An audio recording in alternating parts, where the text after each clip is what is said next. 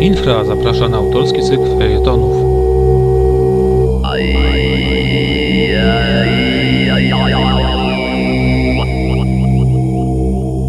Z Altaju widać więcej. Tajemnice i zagadki Rosji według Wojciecha Grzelaka.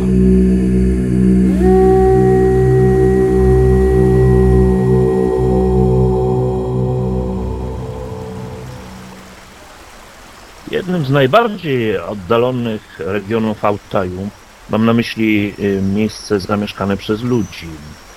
W wysokich y, górach Altaju jest wiele szczytów nietkniętych w ogóle stopą ludzką, bardzo trudno dostępnych. Jednym z tych regionów, gdzie osiedlił się człowiek, dokąd trzeba jechać pokonując kilka przełęczy, drogą zimą właściwie bardzo ciężko dostępną, jest Dolina Ujmońska. Jest to śródgórski step, takich stepów jest kilka na Altaju, ale Dolina Ujmońska z swoim ośrodkiem administracyjnym w miejscowości Uskoksa jest e, chyba najbardziej urokliwą e, z nich wszystkich. Leży na prawym brzegu Katuni, najpotężniejszej rzeki Altaju, która potem łącząc się za miejscowością Bisk z rzeką Biją, tworzy ob jedną z największych rzek syberyjskich. W Dolinie Ujmońskiej 200 lat temu osiedlili się starowiercy. E, Jest to zachowawczy odłam wyznania prawosławnego, nazywany bardzo różnie także kirżakami. I właśnie oni wywarli może największy wpływ na rozwój tego miejsca. Starowiercy ci nazywani byli przez miejscowych, rzecz zadziwiająca, Polakami. Wcześniej Kirżacy y, przebywali na terytorium Rzeczpospolitej. Część Kirżaków, bo tak naprawdę osiedlali się w bardzo różnych miejscach świata. I właśnie y, stamtąd trafili na auta. Ci autajscy starowiercy, poza przyniesieniem kilku rzeczy związanych z materialną kulturą y, bliższą naszemu regionowi, oczywiście niewiele mają wspólnego z Polakami. Niemniej taka nazwa do nich przylgnęła. Osiedlili się na lewym brzegu Katuni, praktycznie już przy u podnóża wysokich gór, za którymi jest granica współczesnej Rosji z Kazachstanem, z Chinami. To, co kryło się za tymi górami, fascynowało nie tylko starowierców. Tam właśnie gdzieś, dalej na południe, za Dżungarią, w stronie Tybetu, kryje się tajemnicza kraina. Niektórzy mówią o niej Szambala, a niektórzy Shangri-La, ma to jeszcze związek z e, podziemnymi korytarzami Algarty. Faktycznie jednak dla starowierców tam były, była kraina nazywana Białowodami bądź też Białowodzie. Czym miała być ona? Dokładnie nie wiadomo. Miała być to kraina powszechnej szczęśliwości, sprawiedliwości, miejsce, niebiańskie miejsce przeniesione na ziemię i ukryte przed wzrokiem zwykłych ziemian, zwykłych grzeszników. Starowiercy nie bez racji usiedlili się w Dolinie Ujmońskiej, ponieważ stamtąd podejmowali wyprawy w poszukiwaniu Białowody. Rezultaty tych wypraw są nie do końca znane. Podobno niektórzy starowierców dotarli tam, inni przynosili stamtąd nawet różne materialne przedmioty. Dalej jednak definicja Białowodzia jest bardzo trudna do sformułowania. Opisy tej krainy są niepełne, a tym bardziej niewiadome jest jej położenie. Cały czas w tych wszystkich opowieściach przewija się wątek ukrycia owego miejsca przed wzrokiem propaganda.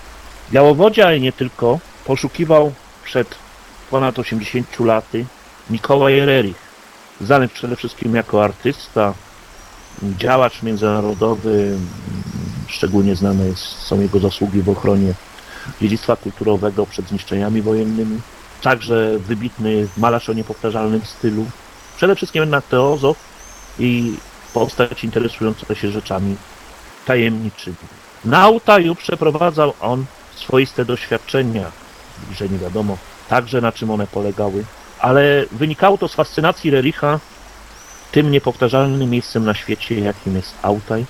Uważał, że istnieje tam bardzo dziwne promieniowanie, silny magnetyzm.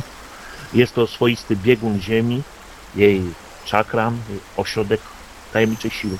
Rerich trafił na Altaj wraz ze swoimi towarzyszami, swoją żoną, jeszcze kilkoma innymi osobami, innymi Lamą Buddyjskim. latem 1926 roku. Przebywał tam on zaledwie kilkanaście dni i jego zapisem e, z tej podróży, a była to podróż transazjatycka, przedsięwzięta w Indiach, zakończona na Altaju, jest e, książka Altaj Himalaje. Rzecz dziwna na temat Altaju jest tam bardzo niewiele. Rzeczywiście rozdział Altaju w książce Licha przypomina dziennik, e, gdzie niegdzie tylko sygnalizacja niektórych tematów. No, trzeba też przyznać, to był rok 1926, początki państwa sowieckiego. Mm, Relich nie ukrywa swojej fascynacji przemianami, które nastąpiły w Rosji, także w tym krótkim, kilkustronicowym zaledwie rozdziałiku Altaju jest e, dużo na temat powstających w Związku Sowieckim kołchozów. E, Niemniej pojawia się też motyw Białowodzia, motyw starowierców tam mieszkających. Relich mieszkał na Altaju w miejscowości Wierchni Ujmon w rodzinie Bartłomieja Atamanowa, jednego z bardziej, z bardziej wybitnych postaci w miejscowej społeczności starowierców. Relich przebywał w Wielkim Ujmonie i jego okolicach zaledwie kilkanaście dni. Wybrał się na Biełuchę, ale pewnie na nią nie doszedł. Niemniej ciągle zarówno w jego dzienniku, jak i wspomnieniach jego żony i innych towarzyszy wyprawy Rericha pojawia się fascynacja Altajem, fascynacja Doliną Ujmońską, fascynacja Górą Biełuchą, czyli tym azjatyckim Sumerem. Pojawia się też nazwa Ut Sumer, czyli altajska nazwa właśnie szczytu Biełuchy. Potem Rerich dość nieoczekiwanie szybko wyjechał z Altaju.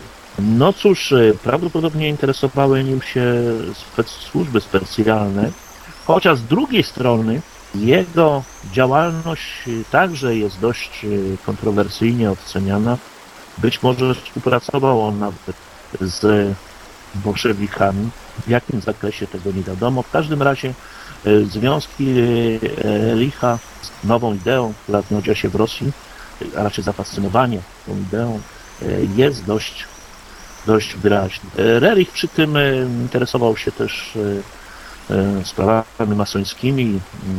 Przypisuje się jemu projekt banknotu jednodolarowego. No ale wróćmy do jego autajskiej działalności. Autaj zafascynował Rericha. Pisał o kamach, czyli szamanach zakliniających śnieg i węże na Altaju.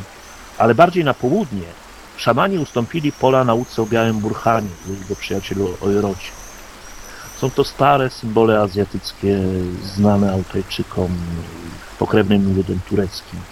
Rerich wspomina, że składanie ofiar zastąpiono spalaniem pachnącego wrzosu i uroczystymi śpiewami. Rzeczywiście na południowym Altaju zaczęła szerzyć się biała wiara, zupełnie inne podejście do traktowania przyrody, mocy przyrody. Tu jest jakieś przekłamanie chyba w pamiętnikach Rericha, może pomyłka tłumacza. Altajczycy do tej pory praktykują te obrzędy palą nie wrzos, ale krzewy jałowca. W każdym razie Relich y, pragnął także odnaleźć drogę do Białowodzia. Nic jednak nie wiadomo na ten temat, aby mu się to udało. W każdym razie pozostawił po sobie sporo wspomnień, żywych także na Altaju, Altajczyków, e, mieszkańców Doliny Ujmońskiej. Fascynowało to, że potrafił przewidzieć e, na przykład miejsce, w którym potem zbudowano wioskę. Reich planował nawet e, tam na Altaju budowę swoistego centrum duchowego, centrum kulturowego u podnóża Biełuchy. Czym miałoby być ono, dokładnie nie wiadomo.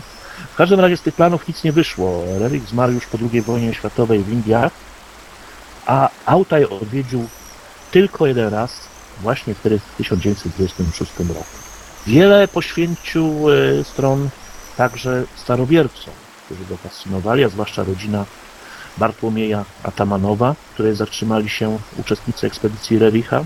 No potem losy Atamanowych nie były najszczęśliwsze, nie tylko zresztą ich. Starowiercy mieszkający w Dolinie Ujmońskiej, mimo że zdawałoby się, jest to dziura zabita dechami, odległa tysiące kilometrów od Moskwy, podlegali represjom lat 30.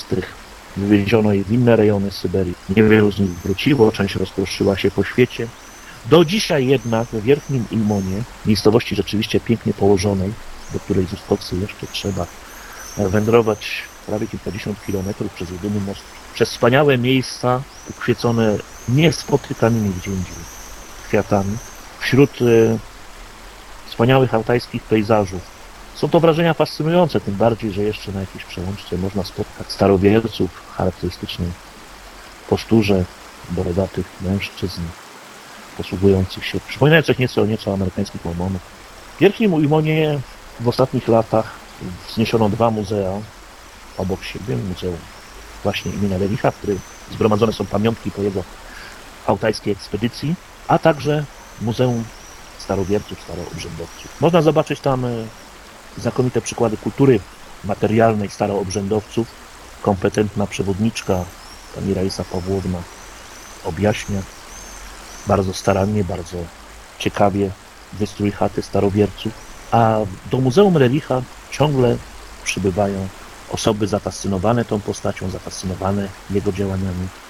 No, miejscowi niekiedy nazywają tych turystów relichniętymi, co trochę sugeruje, że, że fanatycy Relicha może niekiedy przesadnie próbują za wszelką cenę pooddychać tą kosmiczną energią, którzy wierzą, że biełucha to swoista antena przejmująca tę energię.